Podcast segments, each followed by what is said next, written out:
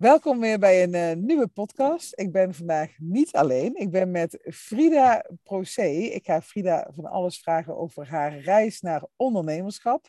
Maar ik denk dat het wel zo leuk is als uh, Frida zichzelf eventjes voorstelt. Dus uh, Frida, vertel ons, wie ben jij en waar kunnen we je s'nachts voor wakker maken? Ja, ik ben Frida en ik ben high-end interieurontwerper.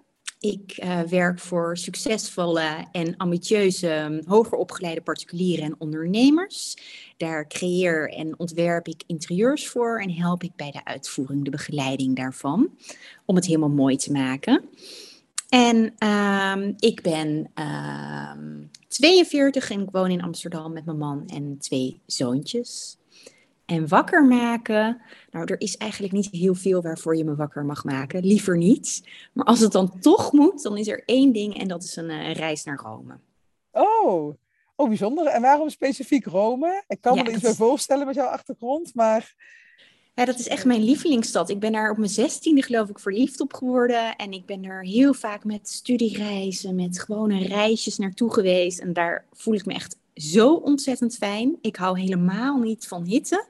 Maar als ik daar ben, dan kan ik met koffers lopen te zeulen in 40 graden. En ik ben echt op mijn allergelukkigst ooit. Ja, ik kan het me dus, helemaal voorstellen. Is het ook voor jou een plek waar je dan inspiratie voor jouw uh, interieurontwerp business vandaan haalt? Jazeker, ja, zeker. Ja, het is nou niet zo dat ik allemaal uh, mooie zuilen verwerk in mijn ontwerp. Helemaal niet. Maar uh, ik vind het wel een onwijs inspirerende omgeving. En uh, met lieve mensen, het heerlijk eten. En ik vind eigenlijk dat dat genieten, dat mag echt verwerkt worden ook in interieurs. Ja, ja, ja, ik snap hem. Nou, super mooi. Ja, en Frida, ik heb jou dus uitgenodigd voor vandaag. Want um, ehm, wij hebben dus één ding gemeen. We hebben allebei op de Zuidas gewerkt. En we hebben nu allebei een eigen bedrijf. En uh, we hebben elkaar nooit eerder echt uh, intensief gesproken. Maar ik ben eigenlijk heel benieuwd, wat, waar, waar werkte jij op de Zuidas? Ja, ik ben na mijn studie rechten ben ik gestart bij een advocatenkantoor aan de Zuidas. En um, daar heb ik uh, 2,5 jaar gewerkt. Eerst in banking en finance praktijk. En daarna ben ik overgestapt naar vastgoed. En vastgoed is wel echt mijn lievelings. Ik wilde daar heel graag komen te werken. Vind ik, vond ik een heel erg leuk uh, ja, onderwerp eigenlijk. Omdat het juist zo tastbaar is. En misschien daar ook wel de link hoor met interieur. Um, dus daar heb ik ja, 2,5 jaar gewerkt. En toen uh, besloot ik dat, het, uh, dat ik daar helemaal niet gelukkig werd. En uh, ben ik iets anders gaan doen. Oké, welk, welk advocatenkantoor werkte je? Want ik heb zelf ik werkte bij Boekel de Dentons. En volgens mij heb jij daar ook gewerkt. Ja, we zijn gewoon al een soort van verkapt, uh, nou ja, oud-collega's. Oh, ja. Ik werkte dus ook bij, uh, nou ik werkte op de sectie arbeidsrecht. Maar die zaten fysiek naast vastgoed. Dus ik heb ook heel veel contact met uh, vastgoedcollega's gehad. Heel grappig om te horen. Ja, ja. Oh, wat leuk. En, en hoe, um, want je zei van ja, je voelde van ik was niet op mijn plek. Wat, wat was dat voor gevoel? Wat, waardoor kreeg jij het idee van hier zit ik nu op mijn plek? Ja, nou, ik, ik, vond, ik ging dat doen omdat ik, uh, dat was eigenlijk de logische stap naar rechten. Om de advocatuur in te gaan. En ik ben wel heel erg gedreven. En ik wilde gewoon echt bij het beste vastgoedkantoor zitten. Nou, dat was destijds, of misschien nog steeds wel, als uh, Boekel. Dus daar wilde ik heel graag werken. En uh, toen ik daar eenmaal zat, toen merkte ik dat ik gewoon net niet helemaal lekker op mijn plek zat. Ik, uh, ik had wel leuke collega's om me heen, maar ik vond het ook wel heel erg corporate, allemaal hetzelfde. Het was uh, heel hard werken. Nu ben ik niet zo vies van heel hard werken, maar ik had totaal geen um, eigenlijk beschikking meer over mijn eigen agenda. Iemand bepaalde hoe laat ik binnen moest komen en hoe laat ik weer wegging. En dat was niet om uh, zes uur s avonds, maar helemaal in de banking en finance wereld zat ik daar elke dag tot elf uur en dan in het weekend ook nog. Ik, ik liep mezelf helemaal voorbij. Dus ik had geen enkele vrije tijd meer. Ik wist helemaal zelf niet meer wie ik was. En eigenlijk merkte dat ook bij heel veel collega's om me heen. Um, dus ik, um, ik, was, ik was daar gewoon niet op mijn plek. Ja, ik ken helemaal wat je zegt. Want ik heb dan uh, in de ondersteuning dan gezeten. Hè. Ik was personal assistant op de sectie arbeidsrecht. En uh, ik vond destijds helemaal niet dat ik hard werkte, omdat ik mijn collega's, de, de advocaten, die zag ik inderdaad tot s'avonds laat zitten. En ik weet ook nog heel goed dat het dan, want het was voor mij echt een cultuurshock om naar die Zuidas te gaan. Ik kwam van een, uh, van een farmaceutisch bedrijf waar iedereen uh, op afstand met elkaar werkte en wat heel, um, uh, heel vrij was. En toen kwam ik op het advocatenkantoor en toen, toen kwam er iemand langs, s'avonds om zes uur. En die ging dan opnemen wat iedereen wilde bestellen voor eten, omdat ze dus nog tot wanneer, whenever zeg maar doorgingen. En dan kwam ik de dag daarna op kantoor, was het mijn eerste week. En toen hoorde ik gewoon dat ze tot twee, drie uur s'nachts hadden doorgewerkt. En toen dacht ik, oh, dan heb ik een luizenbaan, weet je wel. Maar achteraf denk ik, ja, wat een gekke werk. Maar, um, uh, maar je hebt dus in totaal, heb jij, heb jij 2,5, 3 jaar op een advocatenkantoor gewerkt. Ja, dat klopt. Ja. En hoe, uh, hoe ontdekte je dan van, um, uh, dit is het niet voor mij, maar ik wil een eigen bedrijf starten? Nou, dat, dat wist ik toen nog helemaal niet, want dit is echt alweer heel lang geleden. Uh, dit is al tien jaar geleden, denk ik. En toen ben ik eerst bij vastgoedondernemingen gaan werken als bedrijfsjurist. Want um, als advocaat had ik heel veel bedrijfsjuristen als klant en ook bij vastgoedondernemingen. En dat, dat leek me gewoon heel erg leuk. Ik vond dat vastgoed een leuk onderwerp. Um, ik was er ook heel erg goed in. En ik vond het leuk om op hoog niveau te werken en om echt een carrière te maken. Dus toen ben ik eerst uh, het vastgoed ingegaan als um, legal counsel, als jurist. En dat heb ik uh, nog heel lang gedaan. Dat was niet op de Zuidas. Um, maar wel gewoon bij grote bedrijven. En toen uh, ja, merkte ik op een gegeven moment ook weer dat ik mezelf voorbij ging lopen. Dus ik kreeg kinderen, misschien was dat wel de grootste aanleiding. En um, ik was eigenlijk altijd gestrest. Ik was altijd bezig met die telefoon, omdat er iemand van mijn bedrijf uh, kon bellen. En, en dat, dat gebeurde ook. Ik bedoel, kreeg, als ik in een transactie zat, uh, kreeg ik 100 e-mails op een dag.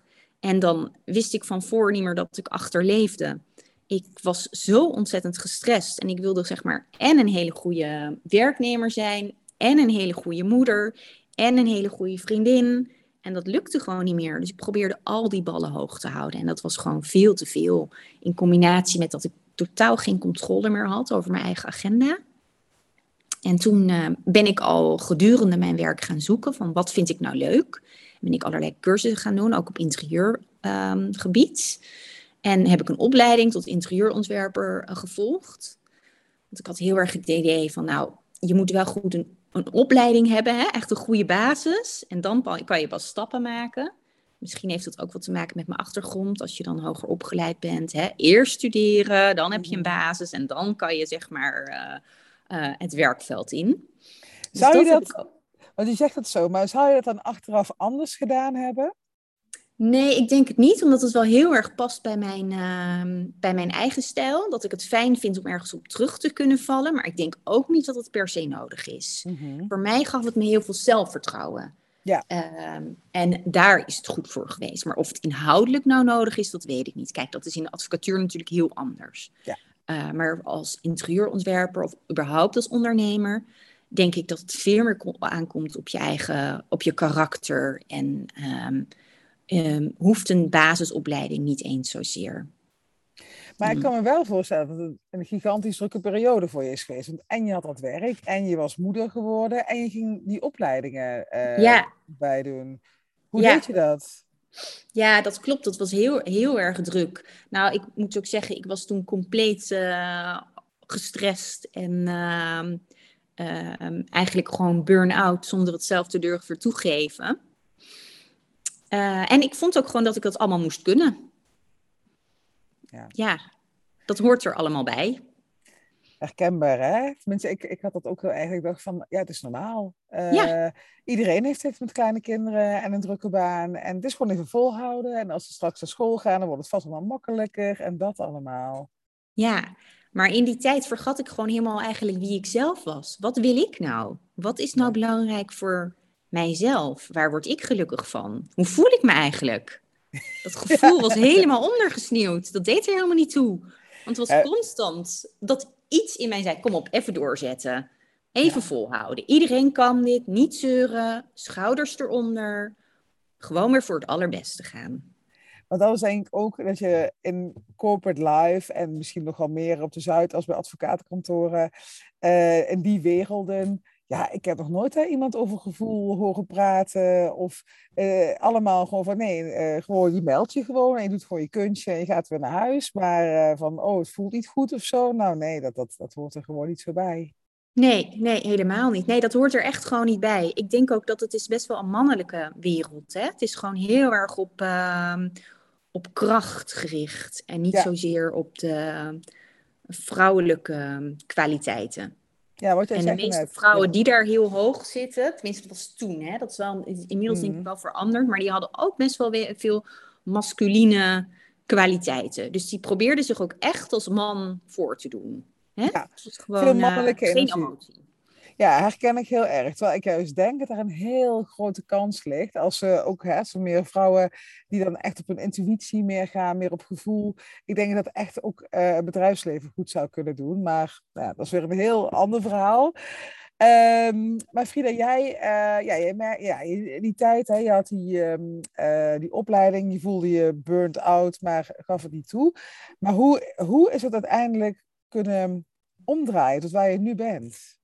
Ja, dat heeft me wel wat gekost. Op een gegeven moment ben ik, uh, of tijd gekost. Op een gegeven moment ben ik gestopt met werken. Het bedrijf waar ik werkte, dat hield ermee op. En uh, dat wist ik ook al een tijdje. Dat was een sterfhuisconstructie. Dus langzamerhand vloeide iedereen af. En op een gegeven moment was het ook mijn uh, tijd om af te vloeien. En dat vond ik echt heel erg fijn, moet ik zeggen. Want ik had er echt naar uitgekeken om even niks te doen. En dat heb ik dus ook een tijd gedaan. Echt helemaal niks weer helemaal ehm, tot mezelf komen eigenlijk. Ik was helemaal op en kapot. Ik uh, sliep uh, iedere dag gewoon overdag om bij te slapen. Mijn hele slaapritme was weg. Ik uh, had geen kracht meer, geen puff meer.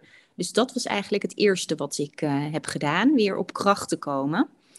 En toen um, op een gegeven moment begon het een beetje te kriebelen. En toen dacht ik, nou, ik word 40, het is nu of nooit. Dus of ik ga het achterna, of ik doe het niet. En toen dacht ik, ja, ik wil het wel heel graag proberen. Ik vond het ook heel spannend, omdat je wel een soort van carrière opgeeft. Dus ik vond die overgang echt heel eng. En uh, ja, je hebt een riant salaris. Je hebt alles wat je hartje begeeft. Tenminste, dat denk je, behalve echt innerlijk geluk. En, um, maar toch de stap zetten dan naar ondernemerschap en weer een heel nieuw métier aanmeten, vond ik ook best spannend. En toen ben ik op een gegeven moment, heb ik die stap gezet. Ik ben een soort cursus gaan volgen over um, ondernemen. Omdat ik ook geen idee had waar ik moest beginnen. En dat was een beetje mijn stok achter de deur. Het was helemaal niet spannend, maar het was wel een soort van start die ik nodig had. En toen ehm, eh, ben ik eigenlijk onder de radar begonnen. Dus heb ik maar tegen een paar mensen verteld. Echt heel weinig. En steeds kwam er weer eentje bij. Uh, ik durfde dat ook nog niet zo goed of zo. Ik wilde eerst gewoon een beetje aftasten. Van, hè, vind ik dit nou echt leuk? Um, of is dit het toch niet? En zo ben ik, uh, ben ik stiekem een beetje begonnen. Met, uh, met allemaal, uh, ja, eerst adviezen geven. En hoe begin je dan in het begin? Ja, dat is in het begin nog gratis voor mensen, hè, om een soort portfolio op te bouwen. En dan kom je er steeds meer achter voor wie je nou wil werken en wat voor interieurs, wat voor soort huizen. En uh, zo rolde dat steeds verder, totdat ik op een gegeven moment dacht: oké, we zijn nu een half jaar verder. Nu ga ik me inschrijven bij de Kamer van Koophandel. Nu mag het wel. Nu is dat mijn stok achter de deur. En uh, na een half jaar begon dat uh, echt te lopen. En nu gaat het gewoon goed. Wat goed. En, en wat goed ook dat je iedere keer jezelf, tenminste dat hoor ik erin, dat je iedere keer voor jezelf een bepaald doel hebt gesteld. En dan iedere keer weer een klein stapje verder en nog een klein stapje verder. En zo zie je maar dat je uiteindelijk door al die stappen te zetten komt waar je nu bent. En, en waar ik, wat ik me ook nog afvraag, Frida, want uh, je zei van in het begin, uh, deed je een beetje stiekem, hè, het ondernemen, ging je tegen een paar mensen zeggen. Uh, hoe reageren mensen erop uit jouw omgeving? Want ik kan me ook voorstellen dat, ja, ik weet hoe jouw omgeving eruit ziet, maar ik kan me voorstellen dat het dan ook een hele corporate omgeving is hè, in je, je vriendengroep. Wat vonden zij ervan dat jij totaal iets anders ging doen? Nou, op, op zich reageerde iedereen wel heel erg leuk. Uh, en ook wel uh, bevestigend, zo van ja, maar dit past eigenlijk wel heel goed bij je.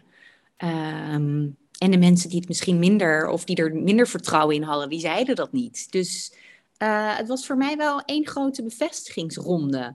Um, ik had ook toen ik uit dienst trad bij mijn laatste baan, hadden we een soort van, um, mocht, uh, hadden we ook coaching. Iedereen had dat. En er werd toch ook een 360 graden review gedaan. En toen was de laatste vraag, als je voor Frida een hele andere toekomst zou mogen kiezen, wat zou je haar dan, uh, wat zou je dan haar wensen? En ik denk bij vier van de vijf stond er iets van stylist of iets met interieur. En dat was voor mij ook een hele grote motivatie. Omdat ik dacht, ja, zie je nou wel, als anderen het in mij zien, zonder dat ze weten van mijn plannen, want ze wisten helemaal niet dat ik een opleiding had gevolgd of dat ik er überhaupt mee bezig was. Maar iedereen zei wel, ja, toch in die review, dat zou ook wel iets voor Frida zijn. Wat gaaf. Dat ja. zijn ook allemaal van die signalen van, oké, okay, je zit op het goede pad en uh, ga maar ja. lekker uh, door. Wat mooi. Ja. Heel mooi. En Frida, toen, je zei al van, je bent begonnen met uh, gratis advies geven. Vind ik ook altijd heel slim om te doen. Hè? Als je die markt opgaat van, en je hebt nog geen klanten. Ja, je moet ergens beginnen. Dus ga in godsnaam gratis laten zien aan mensen wie je bent. Um, en en wanneer had je je eerste klant en hoe ging dat? Um, even nadenken. Nou, dat is volgens mij wel heel grappig. Um, dat was um, mijn oud-manager. Die kwam koffie bij mij drinken. Het was tijdens COVID. Uh, dat je weer één iemand zeg maar, thuis mocht ontvangen. Maar dat de cafés nog niet open waren. Dus hij kwam koffie bij mij drinken. En hij zat zo rond te kijken in mijn huis. En zei, ja, ja, ik wil ook gaan verbouwen. Ik ga ook verbouwen. Ja, maar zou jij mij niet kunnen helpen? Dus dat was mijn eerste betaalde opdracht, denk ik. Wat leuk. Ja. Dat, is ook hè, met uh, veel startend ondernemers, dat je dan denkt van, dat je vaak heel ver gaat denken van wie wordt mijn eerste klant. Uh, maar eigenlijk het laaghangend fruit, dat zijn de mensen om je heen. Uh, de, de, eerste, de, de, ja, de inner circle, zeg maar, waar die ook zomaar klant van je kunnen worden. En dat, ja, dat zie je dus bij jou gebeuren ja, dat was, dat was echt, echt heel erg leuk. Ja, en dat is ook een schitterend huis, wat helemaal bij mij paste. En uh, ja, dat was echt een onwijs mooie klus. En had je niet dan ook nog extra druk erop zitten, omdat het natuurlijk iemand is uit het werkende leven, uh, dat je daar dan, ja, ik kan me voorstellen dat je dan denkt, ik wil het wel echt mega goed doen. Ja, nee, dat klopt wel. Ja, ik voelde wel weer die druk, zeg maar, als in een arbeidsverhouding. Ja. Oh, dat wel? Oké. Ja. Okay. ja. Ja. En hoe, hoe is dat nu? Want je bent nu denk ik anderhalf jaar verder. Uh, hoe, hoe voelt dat nu als je voor opdrachtgevers werkt of voor klanten die, uh, want je werkt vooral met particulieren, hè? Ja. Um, uh, voel je nog steeds een bepaalde druk? Hoe ga je daarmee om? Ja, dat is echt he heel erg anders geworden. En dat is natuurlijk ook niet zo gek, omdat het eerder de eerste opdracht voor mijn manager was. Dus daar heb je al een bepaalde verhouding. Zeg maar, daar sta je mee tot een bepaalde verhouding. Dus dan ja, heb je al je eigen rol aangemeten. Um, maar langzamerhand, um, ik leer weer van, van iedere klus. En ik groei met iedere klus die ik doe, ieder project. Um, mijn netwerk groeit, maar ik groei zelf ook enorm. Dus nu is dat veel, uh, sta ik zeg maar veel meer ergens voor. Ik ben gewoon de expert. In het begin dan sta je nog gewoon een beetje, ja, ja, ja. Uh, en dan weet je ook wel dat je het weet, maar dat vertrouwen moet nog komen. Dat ja. moet nog groeien. En dat is heel ja. erg logisch. Dat werkt nou iemand. Dat, dat, ja, dat is er niet vanaf dag één. Tenzij je bijvoorbeeld in je oude metier verder gaat. Dan is het natuurlijk een heel, heel ander verhaal. Ja, Nee, zeker. En dat, dat, denk ik ook hoe verder je in het ondernemerschap komt. In het begin ben je misschien ook nog geneigd hè, om uh, alles wat een klant maar wil, om dat te doen. En uh, ja, echt klant is koning. Maar inderdaad, hoe meer je die expertstatus claimt, op een gegeven moment kan ik me zomaar ook bij jou voorstellen, Frida, dat jij over een paar jaar ook, of misschien al is het, ligt het veel dichterbij, dat je echt nee moet gaan verkopen, omdat klanten misschien helemaal niet passen bij uh, wat jij te bieden hebt. En dat jij, dat jij veel meer de keuzes maakt van ook oh, wel met jou werken. Ja, nou, ik heb dat laatst uh, toevallig een keer al gedaan. Uh, dat was een. Uh, ik merk steeds. Het niveau waar ik op zit, is dat ik mensen echt wil helpen van af het concept. Dus eigenlijk van we, we willen iets gaan doen met het interieur, maar wij hebben geen idee hoe en bij wie we moeten zijn en wat en hoe creëren we een eenheid. Um, dus vanaf die start wil ik betrokken zijn, eigenlijk tot het moment dat het gerealiseerd wordt. Dus ik zorg ook dat het ontwerp gewoon door de juiste vakmensen uitgevoerd wordt. En dan niet het constructieve gedeelte, maar wel het esthetische gedeelte.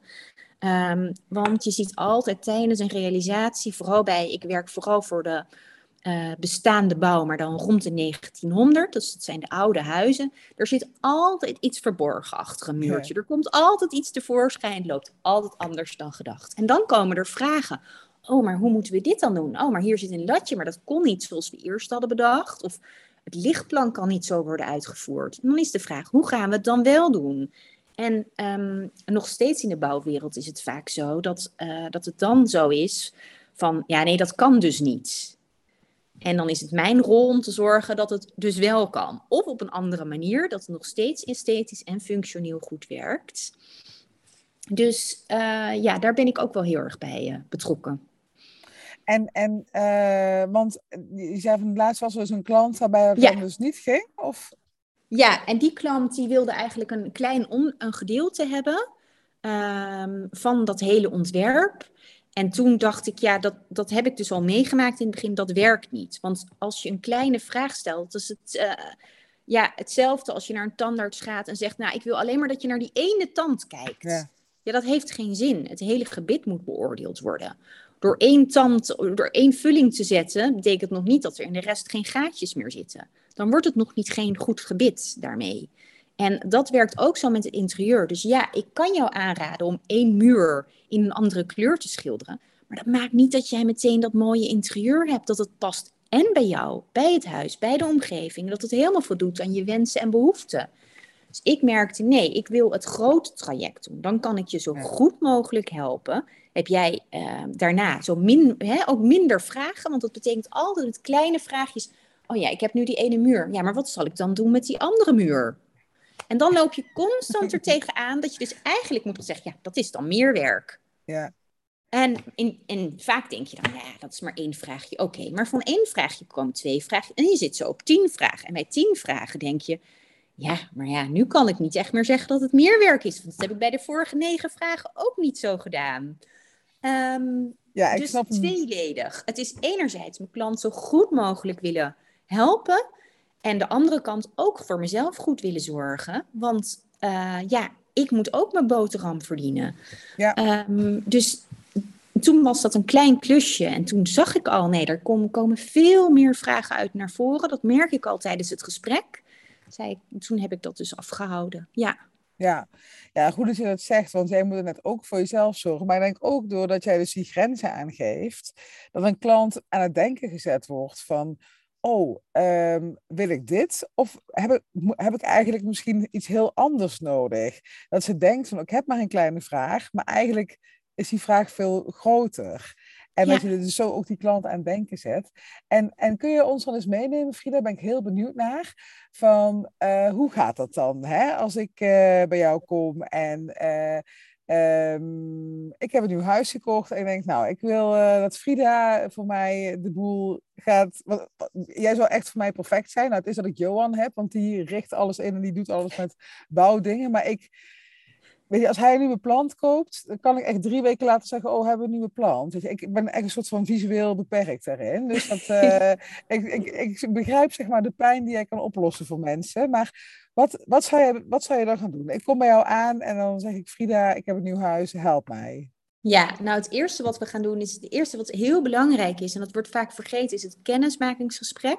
Maar het moet echt gaan om een persoonlijke klik tussen mij en mijn opdrachtgever. Als die er niet, niet is, dan gaat het ook niet werken. Maar goed, veel komen mensen natuurlijk al naar me toe, omdat ze iets van mij zien en weten gewoon, nou, dat spreekt ons heel erg aan. Ehm, dan starten we, en dat deel ik altijd in, in, in stappen, in volgens bepaalde methoden. En we starten altijd met een, um, een uitgebreide intake, maar ook een hele uitgebreide vragenlijst. En ik vraag echt enorm door om dat nou te achterhalen van wat wil je nu eigenlijk? Wat zit er achter die wens? Waarom wil je dat? Ja, en wat als, als je zegt, ja, nee, ik wil het gezellig hebben of wil meer eenheid, maar wat betekent dat dan voor jou gezellig? En wat is nou je lievelingshoekje in huis? Wat vind je het fijnste plekje? Of in het weekend? Ehm, wat doen jullie? Koken jullie heel veel? Komen er veel vrienden over de vloer? Of kook je bijvoorbeeld nooit? Want dat vereist alweer een heel ander soort keuken.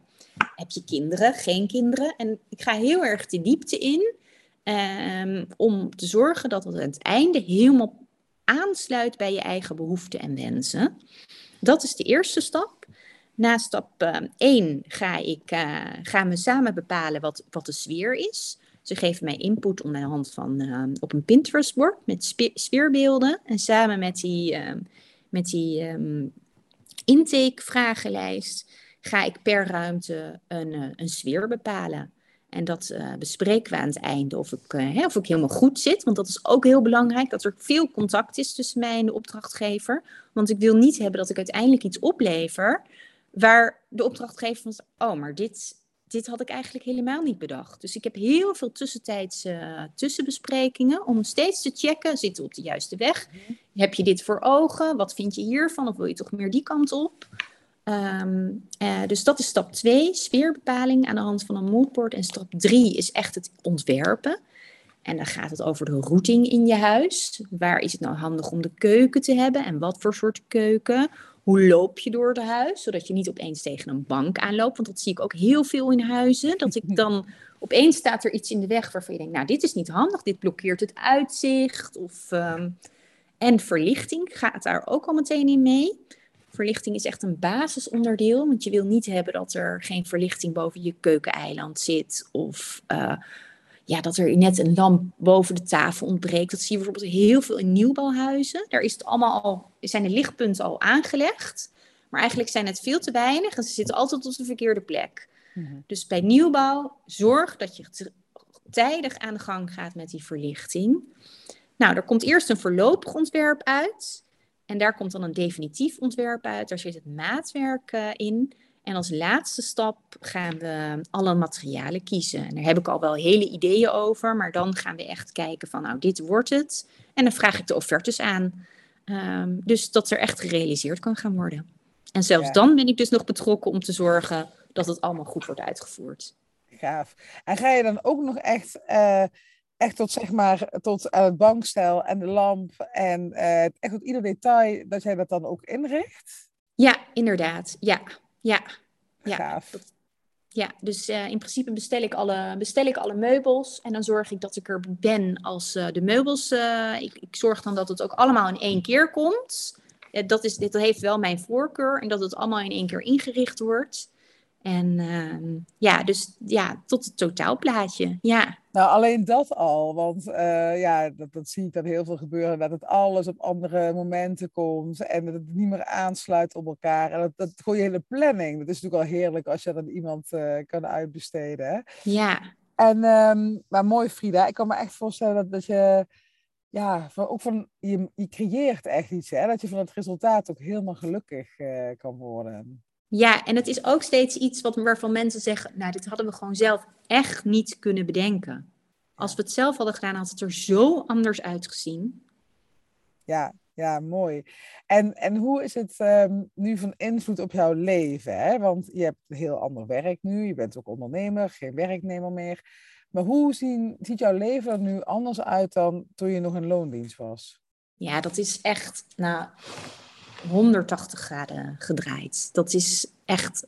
Mijn leven is nu een soort van verademing. Ik heb complete vrijheid. Ik kan alles zelf indelen. Ik heb het helemaal zelf in de hand. Ik uh, sta zeker niet meer de hele tijd met die telefoon waar allemaal mailtjes van collega's binnenkomen. Dat ik druk voel, ik moet er nu iets mee. Um, en uh, als ik, uh, ik, ik vind het bijvoorbeeld heel relaxed om s'avonds te werken om tien uur. Dat, dan ja, gaat, mijn, gaat het creatieve proces aan. En ehm, ik vind dat dan natuurlijk helemaal niet erg om dan nog een appje te krijgen van klanten. Ik vind dat heerlijk om mee te denken. Maakt niet uit of dat in het weekend is. En tuurlijk komt het soms niet uit. maar dan besluit ik zelf. Dit kan ook best even 24 uur wachten. Kom ik er morgen op terug. Maar eigenlijk, ik hou heel erg van snel schakelen. En dat kan ik nog steeds. Alleen ik kies het helemaal zelf dat gevoel is ook totaal anders. Hè? Want als ik naar mezelf ook kijk, dan uh, ik heb het heel erg over vrijheid en minder werken, meer verdienen, ja. bladibla. Maar ik denk heel eerlijk, als ik nou eens echt heel scherp naar mezelf zou gaan kijken, hoeveel tijd ik eh, spendeer aan werk, misschien is het nog wel veel meer dan toen ik in loondienst was, maar zo voelt het toen totaal niet. Dus als, iemand, als een klant inderdaad van mij... Uh, op zaterdagmiddag of zo appt van nou, ik weet het even niet met mijn, nou noem eens wat, wat, wat zal ik doen met mijn arbeidsongeschiktheidsverzekering of zo, weet je wel. En dat zijn echt van die dingen, dat zou ik een loondienst echt denken, oh, zo, geen zin in. Hoe, hoe haalt diegene het recht vandaan om mijn appje te sturen? Heb je er weer één hoor. Ja, of, uh, of wat ik helemaal uh, rampzalig vond, de mailtjes met urgent. Ja, weet je wel, met uh, hoofdcapital letters urgent. Oh, daar kreeg ik echt helemaal de zenuwen van. En dan ben ik heel recalcitrant van, dacht ik, nou, die laat ik even een dag liggen. Maar nu, het, het voelt gewoon zo anders. Meer als van, het gaat misschien wat ver hoor, maar van, ja, dit is inderdaad waarom ik er ben op de wereld. Dus dit heb ik te, te doen of zo. En dat voelt dan totaal niet als werk. Terwijl het eigenlijk in die end is het natuurlijk wel werk. Want je verdient er gewoon je geld mee. Maar dat gevoel is gewoon, dat, ik denk dat het ook heel moeilijk is om dat uh, aan iemand in loondienst uit te leggen. Van uh, ja, hoe dat, dat, dat, dat het zo licht, veel lichter voelt of zo, dan dat zware werk. Ja. Ken je dat? Ja, heel erg. Ik heb gewoon veel meer vrijheid in mijn, ja, in mijn gedachten. En ondanks dat ik heel veel strategisch aan het nadenken ben, met wat zal ik nu voor stap doen, hoe zal ik die benaderen. Maar nee, het is alleen maar, het, is, het is, voelt niet als werk. Ja. Het voelt heel veel vrijheid. Ja, en wat jij ook zegt, hè, dat vind ik ook wel weer fijn om te horen, van dat jij dan dus bijvoorbeeld om tien uur s avonds helemaal aangaat. Uh, ik heb dat s ochtends vroeg, ik ben om vijf uur s ochtends uh, uh, optimaal. Maar ja, daar kan je ook niet echt een weg in vinden ehm, als je nog een loondienst zit. En ik zeg altijd tegen mijn klanten van, ga, ga je werkuren ontdekken. Hè? Van waar zit jouw energie op de dag? En uh, ik vind het bijvoorbeeld fijn om smiddags, uh, uh, als die kinderen uit school zijn, om dan eventjes met ze te zijn. Ook niet iedere dag, maar dat, daar heb ik wel een paar dagen voor gepland dat ik gewoon met ze kan zijn. maar dan weet ik van, oh ja, hè, vanavond ga ik nog even lekker, nou tussen 8 en 9 is ik vaak nog wel eens even achter mijn laptop of zo. maar dat je dat zelf helemaal zo naar je eigen bioritme kan, kan afstemmen. En ook uh, weet je, als vrouw gedurende de maand. Ja, je hebt toch wel last, hè? Tenminste, ik vooral met hormonen. En ik heb echt weken dat ik mega productief ben, maar ook weken dat ik echt het liefst gewoon uh, nou ja, een dag in mijn bed ga liggen. En dat kan dan dus als ondernemer. Dat je gewoon echt kan toegeven en dat, ja, die, die state of mind waar je in zit. Ja, het is, klinkt heel herkenbaar. Ik had vorige week een hele drukke week. Nou, dan weet ik, dan kan ik deze week dan ja, plan ik het ook gewoon weer even wat rustiger. En uh, zoals vanochtend blijf ik gewoon langer in mijn bed liggen. Dat is gewoon heerlijk. En het voelt zo als zo'n luxe. Ja. ja. ja, dat kan ik me ook nog herinneren. Toen ik net gestart was als ondernemer, toen had ik ook inderdaad wat, uh, wat buddies. En die vertelden ook van, oh en ik heb uh, gewoon vanochtend uh, zitten Netflixen. dacht ik, hè? ik zat ook helemaal in die, in die vibe van, oh, ik moet iedere dag werken. Nou, dat doe ik dan niet. Maar, ik inmiddels ook niet meer hoor. Maar in het begin dacht ik van, oh, dit kan nu. Ik ga het gewoon eens proberen. Of dan begon ik de dag met een boek lezen of dat soort dingen. Ja, inmiddels heb ik dat, ook, ja, uh, geeft het me gewoon te weinig. Weet je wel, dan voelt het ook een beetje als verspilling van de tijd. Maar gewoon de gedachte dat het al kan, dat, ja, dat vind ik gewoon heel uh, bevrijdend. Ja, ik heb exact hetzelfde. Ja, ik vind het ook, uh, ja, ik vind het echt een verademing. Ja, ja, en Frida, ik, um, uh, ik ga een beetje richting het einde um, van dit gesprek. En ik wil je eigenlijk ook vragen van... Want er zijn natuurlijk zoveel vrouwen die net als jij en ik nog op die Zuidas zitten... of überhaupt nog een loondienst zitten. En ja, die dan denken van ja, klinkt allemaal leuk en aardig, uh, dat ondernemerschap. Maar ik vind het doodeng en ik durf het niet. En, en wat, wat zou je tegen zo'n vrouw willen zeggen? Ja, nou, ik, ik, allereerst, ik begrijp dat heel goed. Want volgens mij hebben heel veel vrouwen dat. Ehm, maar de beste tip die ik ooit een keer gekregen heb, dat was van een kledingontwerper die weer eigen kledinglijn had. En die was heel succesvol, ehm, maar die was op een gegeven moment niet meer gelukkig omdat er zoveel kleding werd weggegooid. En die ging het over een andere boeg gooien. En die zei, de beste tip die ik kan geven is omring je met gelijkgestemden. Zoek de mensen die, uh, die dat al doen eigenlijk, die al ondernemer zijn. Um, want die kunnen je het beste vertellen hoe je het je kunt aanpakken. En je komt een beetje in die vibe, in die energie. Dus omring je echt met gelijkgestemden. En um, ik zou gewoon eens vragen aan mensen, aan, ja, bij jou, uh, maar ook bij mij. Een appje van, hey, ik heb, ik heb je gehoord. En uh, ja, ik ben wel benieuwd. Zouden we een keer koffie kunnen drinken? Zulke soort dingen. Ja. En dan, gaat het, dan, dan zul je horen, merken dat je zoveel inspiratie krijgt en zoveel ideeën. Ja, ja, ja mooi, belangrijk. mooie tip is dat ook. Want ook, uh, dat, dat zie ik dan ook bij klanten van mij veel van... Uh, jij hebt heel veel uh, support gehad. Hè? Mensen zagen ook echt gelijk in je van dit is echt jouw route. Maar soms voel je het alleen zelf en denkt je, ziet jouw omgeving je nog als diegene met dat label van die baan in, uh, in loondienst. En dan is het net heel slim om, um, wat jij zegt, te gaan kijken van omring je met gelijke stemmen. Want als ondernemer denk je heel anders dan werknemer. En die hele mindset, ja, weet je, als werknemer, je krijgt je salaris, je geeft het uit en je gaat weer een maand in. En als ondernemer is het toch vaak zo dat je in het begin zal moeten investeren om te kunnen oogsten. En dat is al gewoon een, een, uh, een onderdeel van je hele mindset die gaat veranderen als ondernemer. Dus als je inderdaad um, uh, andere ondernemers al opzoekt en gewoon eens gaat kijken hoe, uh, hoe heb jij het gedaan of heb je tips of nou gewoon iets. Er zijn zoveel um, um, er is zoveel inspiratie te vinden eigenlijk. En ja. je komt in een nieuwe wereld terecht. Dus dat, ik vind het een hele goede tip om inderdaad te kijken van... Ja, wie, wie, wie heeft mijn pad al bewandeld en wie kan ik eens wat vragen stellen? Ja, ja, en er is zoveel meer mogelijk dan je zelf denkt. Ik heb nog elke dag dat ik groei in die mindset met... Oh, maar ik zie daar ook een mogelijkheid. Ik zie daar ook een mogelijkheid. Daar heb ik helemaal niet aan gedacht. Het, ja, ondernemerschap is echt de grootste persoonlijke ontwikkelingsreis die er is. En ik denk vooral het eerste jaar is het wel echt ook wel af en toe even zuur. En dat je hè, vallen en opstaan. Maar het is, uh, ja, het is echt meer dan waard. Ja, nou, dat vind ik een hele mooie om, uh, om af te sluiten, Frida. En um, ik ga even, want ik kan me zomaar voorstellen dat um, uh, luisteraars ook nieuwsgierig zijn naar waar ze jou kunnen vinden, hè, als ze met hun interieur aan, aan de slag willen. Dus ik ga ook eventjes in de show notes van de podcast jouw Instagram en jouw website. Ik denk dat dat het beste is, dat ze je daar het beste kunnen vinden. Of ja, ze kunnen me inderdaad gewoon op mijn website vinden, um, ehm, studiofridamee.nl. Studio Frida Mee is ook mijn Instagram-account en onder mijn eigen naam Frida Proce op LinkedIn. Ja, precies. Nou, ik ga dat eventjes toevoegen, want ik kan me zomaar voorstellen dat of iemand denkt van, hé, hey, ik wil ook zo'n route gaan bewandelen als Frida, of iemand die denkt van, hé, hey, uh, ik wil mijn hele huis uh, overhoop laten halen. Dat kan ik ook voorstellen. Dus dat voeg ik even toe. Ja, en Frida, ontzettend bedankt, uh, bedankt voor het gesprek. Ehm, ben ik misschien nog iets vergeten? Wil je nog iets toevoegen? Nee, ik, volgens mij hebben we echt heel veel gezegd. En uh, als mensen nog meer willen weten, moeten ze ons vooral gewoon benaderen, toch? Zo is het. Nou, hartstikke bedankt. Ik ga hem afsluiten. En dan komt hij 16 augustus uit mijn hoofd komt hij online. Leuk. Oké, okay, dankjewel Frida. Jij ook. Doei. Doei, doei, doei.